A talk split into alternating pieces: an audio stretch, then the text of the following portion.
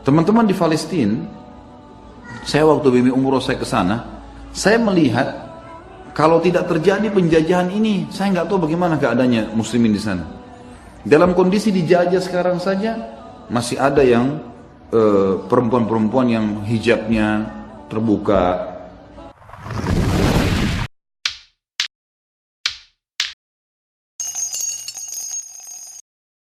Baik, apa yang kita lakukan teman-teman? Jangan anggap remeh doa ya. Kunut nazilah kayak tadi kita lakukan. Doa itu luar biasa, senjata orang mukmin. Kalau semua kita lakukan doa ini teman-teman sekalian, kita walaupun tidak ke sana Allah turunkan kekuatannya.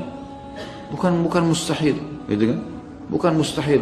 Dan kita harus bersangka baik dengan Allah. Apa yang terjadi di wilayah-wilayah ini? Pertama, Allah Subhanahu wa taala tidak menjadikan masalah di satu lokasi sehingga umat Islam tertindas kecuali kecuali dalam hadis dikatakan banyaknya kesalahan yang mereka lakukan. Gitu kan? Kalau mereka merajalela kesalahan di sisi mereka kayak di Syria, kehidupan sangat bebas. Sebelum terjadi ini, luar biasa kehidupan mereka. Yang tarik perut ke sana sini, yang ini, yang itu, yang bebas sekali. Sampai terkenal negeri Syam kalau Syria itu kayak tempat orang pergi bermaksiat. Kuasa Allah SWT terjadi ini. Sekarang ada kesadaran dari kaum muslimin dengan kejadian ini akhirnya mereka jadi dekat dengan agama mereka. Gitu kan? Teman-teman di Palestina, saya waktu Bibi umroh saya ke sana, saya melihat kalau tidak terjadi penjajahan ini, saya nggak tahu bagaimana keadaannya muslimin di sana. Dalam kondisi dijajah sekarang saja, masih ada yang eh, perempuan-perempuan yang hijabnya terbuka, eh, di sana sini musik, Eh, yang hadir di masjid ya sebagian tidak terlalu besar gitu kan. Dalam kondisi ada penjajah ya. Jadi kalau penjajahan tidak ada bagaimana? Bagaimana jauhnya mereka dari agama? Kehidupan yang saya lihat arahnya kepada pembebas. Kita kalau lihat pakaian-pakaian mereka di pinggir jalan depan hotel pada saat mau ke masjid itu pakaiannya sama saja tabarruj sebenarnya. Pakai jilbab iya tapi sama saja gitu. Walaupun alhamdulillah kita menjaga uh, pandangan mata, tapi umumnya orang karena ramai sekali kelihatan ini orang-orang seperti ini. Jarang sekali saya lihat ada orang di sana dekat masjid ya, yang berjenggot misalnya. Sampai saya keliling berapa kali, dua kali saya ke sana. Bolak-balik terakhir ada satu orang bawa mobil. Terus saya salaman sama dia, akhi, saya berapa hari sini nggak ada yang saya orang berjenggot seperti antum nih, gitu. seperti anda nih. Dia bilang ada tapi agak jauh. Umumnya orang-orang di sini nih ya bebas begitu saja. Ini kalau tidak ada penjajahan, Allah alam. Gitu. Kita waktu lagi antri mau masuk, diserobot dengan orang-orang ini. Padahal ini masuk, orang antri setengah mati, jemaah saya capek, diserobot-serobotin sama orang-orang ini. Orang-orang Palestina, serobot-serobotin.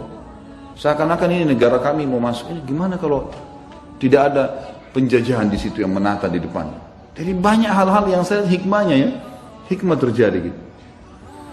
Kemudian yang terjadi di Yaman, di Yaman selama ini pemimpin, pemimpin apa orang-orang Yaman menganggap ah nggak masalah. Kayak kita di Indonesia mulai ada tersebar isu begitu. Ah Syiah itu sama Sunni sama saja, madhab. Begitu dikebarin tuh di Yaman tuh. Sampai akhirnya Houthi itu orang-orang Syiah itu sampai mereka bergabung sama militer, mereka dipersenjatai, akhirnya mereka membantai kaum muslimin dan fatal sekali, fatal, luar biasa jahatnya. Orang-orang Syiah ini luar biasa jahatnya, luar biasa.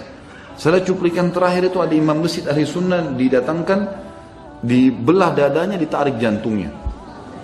Cuplikan. Sampai orang yang ceramah itu nangis-nangis, yang orang Saudi ceramah itu, cuplikan. Sampai dia agak diburamkan. Ini sudah bukan kayak bukan manusia. Gitu kan? Orang jihad yang sebenarnya, kalau musuh orang kafir pun, nggak boleh kalau sudah menyerah. Gitu kan? nggak boleh disiksa, nggak ada mutilasi dalam Islam. Itu orang kafir. Bagaimana Muslim? Eh, luar biasa, dibelah dadanya, diiris. Orang itu masih hidup. Kemudian dirobek, kemudian diambil jantungnya, mati tiba-tiba orang. Imam masjid, hafal Quran 30 juz. Ini biadab sekali, luar biasa. Kenapa ini? Gara-gara membela sahabat Nabi? Eh, luar biasa. Ini gara-gara mencaci maki sahabat Nabi. Jadi saya melihat di, karena mereka dulu terlalu menganggap remeh, nggak apa-apa, nggak apa-apa, kemungkaran dibiarkan, nah terjadilah. Di Myanmar selama ini dulu ada dua wilayah, wilayah, dua kekuasaan di situ. Ada kerajaan memang di situ, ada kerajaan Islam dulu dan ada kerajaan Bu, pemerintahan Budi, orang Buddha. Ini saya lupa tahun 60-an atau tahun berapa gitu sempat direbut. Atau tahun 80-an kalau nggak salah sempat direbut ke kerajaan Islam ini runtuh. Kemudian umat Islam tidak menyusun kekuatan. Tidak menyusun kekuatan. Lalu makin merajalela lah. Kekuatan-kekuatan orang-orang eh, Buddha ini kemudian menghancurkan muslimin, membakar sampai sekarang. Karena mereka takut jangan sampai pemerintahan Islam berdiri lagi. Tujuannya itu secara histori begitu sebenarnya. Jadi ada sebabnya kenapa mereka bantai-bantai, kenapa mereka membuat traumatis seperti sekarang. Itu karena memang mereka pikir ini adalah ini ini kalau berdiri lagi kerajaan Islam berbahaya. Padahal selama ini Islam nggak pernah ganggu mereka ya. Tidak pernah subhanallah pemerintah Islam mengganggu orang non muslim, tidak pernah. Termasuk di Indonesia sendiri, nggak ada orang Islam mengganggu orang non muslim kan. Silakan menjadi kaya, berusaha, tidak ada orang Islam silakan. Tidak ada masalah. Tapi kalau mereka jadi pemimpin ini masalah berat. Jadi saya melihat secara internal ada masalah pelanggaran-pelanggaran dari orang-orang ini terhadap agama sehingga Allah datangkan untuk mereka sadar Sampai saya bilang sama orang-orang Palestina, terakhir saya ke sana saya bicara sama mereka, "Akhi, coba saya mau tanya satu hal. Apa yang antum ambil pelajaran dari penjajahan ini?" Baru kemarin, mungkin baru berapa bulan lalu. Saya penasaran, saya bilang, saya bilang juga sama imam masjidnya. Kebetulan saya kenal sama beliau, Syekh Yusuf namanya. Saya salam sama Syekh, Ibroh apa? Pelajaran apa yang antum ambil dari sini? Anak ini orang luar, anak melihat ada sebuah pesan dari Allah nih. Anak bilang kita jalan dari hotel ke sini, Perempuan bertabarruj, pakaiannya ketat, jilbabnya asal jadi, laki-lakinya juga begitu, di sana sini musik. Jua. Jadi kehidupan yang seperti Anda bilang tidak ada bedanya sama negara-negara Arab yang yang yang memang bebas. Padahal antum lagi dijajah loh ini. Mempertahankan wilayah Masjid Aqsa. Apa yang diambil Syekh? Apa yang diambil pelajarannya? Kalau sekarang kira-kira Syekh, saya bilang begitu. Kalau sekarang misalnya kaum muslimin di sini tidak ambil pelajaran dan mereka lebih bertakwa sama Allah dengan penjajahan, kira-kira kalau Israel sudah keluar, apa yang terjadi dengan mereka? Ada perubahan? Kata Syekhnya, benar. Ya Khalid benar. Kita mengeluhkan kepada Allah. Dan saya yakin kalau seperti yang anda bilang tadi, yang anda bilang ya, dibilang sama saya, kalau yang anda bilang itu, betul, maka Allah akan berikan kita pemimpin. Kalau betul-betul masyarakat sadari, mereka kembali ke agamanya, Allah akan datangkan kekuatan yang mengalahkan Israel. Tapi sampai sekarang seperti itu. Itu satu sisi, secara internal ya. Jadi ada pemicu penyebab. Allah tidak akan membinasakan satu kaum kalau tidak ada sebabnya. Secara agama, kacamata agama, Allah subhanahu wa ta'ala teman-teman memilih para syuhada.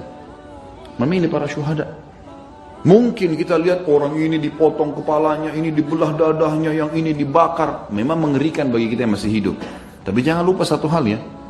Orang kalau sudah mati teman-teman, yang dia lihat malaikat maut cabut ruhnya. Nggak ada lagi dia rasa itu dadanya dibelah, lehernya dipotong, apalah. Dibakar pun, nggak Nggak ada urusan. Dia cuma lihat malaikat maut cabut ruhnya, selesai. Jadi nggak ada urusannya sebenarnya. Jangan kita terpengaruh karena tidak punya ilmu, kita anggap itu penyiksaan buat mereka jadi mereka jadi enggak. Kita harus sangka baik dengan Allah. Kalau saya melihat Allah memilih para syuhada, toh dia juga akan mati pada saat itu. Tentu kita harus membela ya. Tapi saya bahasakan kita lihat secara kacamata agama yang luas dengan ilmu syari yang benar. Kalau Allah sudah menginginkan kebaikan buat mereka. Sampai kata para ulama, kalau kamu masuk ke kancah peperangan, tidak usah mengkhayal mati, karena yang mati syahid, yang dibunuh sama musuh hanya orang yang paling ikhlas. Menginginkan syahadah baru mati. Dan selalu dalam sepanjang sejarah histori jihad, dari zaman Nabi SAW sampai hari ini teman-teman sekalian, selalu yang mati syahid lebih sedikit. Yang kembali pulang keluarganya lebih lebih banyak. Jadi memang Allah SWT memilih mereka, gitu kan? Memilih mereka, kesempatan. Kesempatan ini semuanya.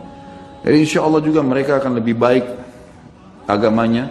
Saya yakin kalau mereka kembali ke agama Allah, lebih dekatkan diri kepada Allah dalam kejadian seperti ini, Allah pasti akan berikan mereka kemenangan. Allah Allah. Tentu apa yang kita lakukan ya kita berdoa kepada Allah SWT. Kita membantu apa saja. Kayak sekarang banyak Alhamdulillah teman-teman di Indonesia ini yang sudah mulai kumpulin baju, mulai kumpulin uang ya. E, mereka punya link untuk ke sana, mungkin melalui negara Filipina atau negara yang lain, itu oh, kita bantu. Kita bantu, bukan mustahil. Saya melihat ada satu uh, Syekh uh, Hasan namanya, ya, Dr. Hasan, beliau dari kalau tidak salah dari dari Bahrain, dari Bahrain.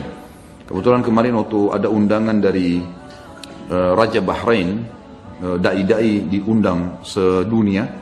Eh, Dengan hikmah Allah saya tidak tahu kenapa dari Indonesia saya dapat undangan gitu. Jadi mewakili pada saat itu. Termasuk Dr. Hasan ini datang. Jadi setiap negara satu orang saja. Kebetulan saja ini kebetulan, bukan karena sayanya. Kebetulan mungkin teman-teman di sana panitia orang Indonesia sebutin nama yang kebetulan memang mau minta. Saya juga minta diminta ceramah. Saya ketemu sama dia dan saya tertarik dengan cuplikan apa yang dilakukan Dr. Hasan ini. Beliau datang sendiri ke Thailand. Nah Thailand sama Myanmar bersebelahan dan Thailand ini mendukung perilaku Myanmar karena sama agamanya, gitu kan? Dan itu muslimin dari Myanmar ini, dari Rohingya ini diambil, ditaruh di penjara, Dr. Hasan datangin. Dia bayar, berapapun dia bayar. Yang penting diizinkan datang. Dia datang dan ada cuplikannya di YouTube, tapi dalam bahasa Arab.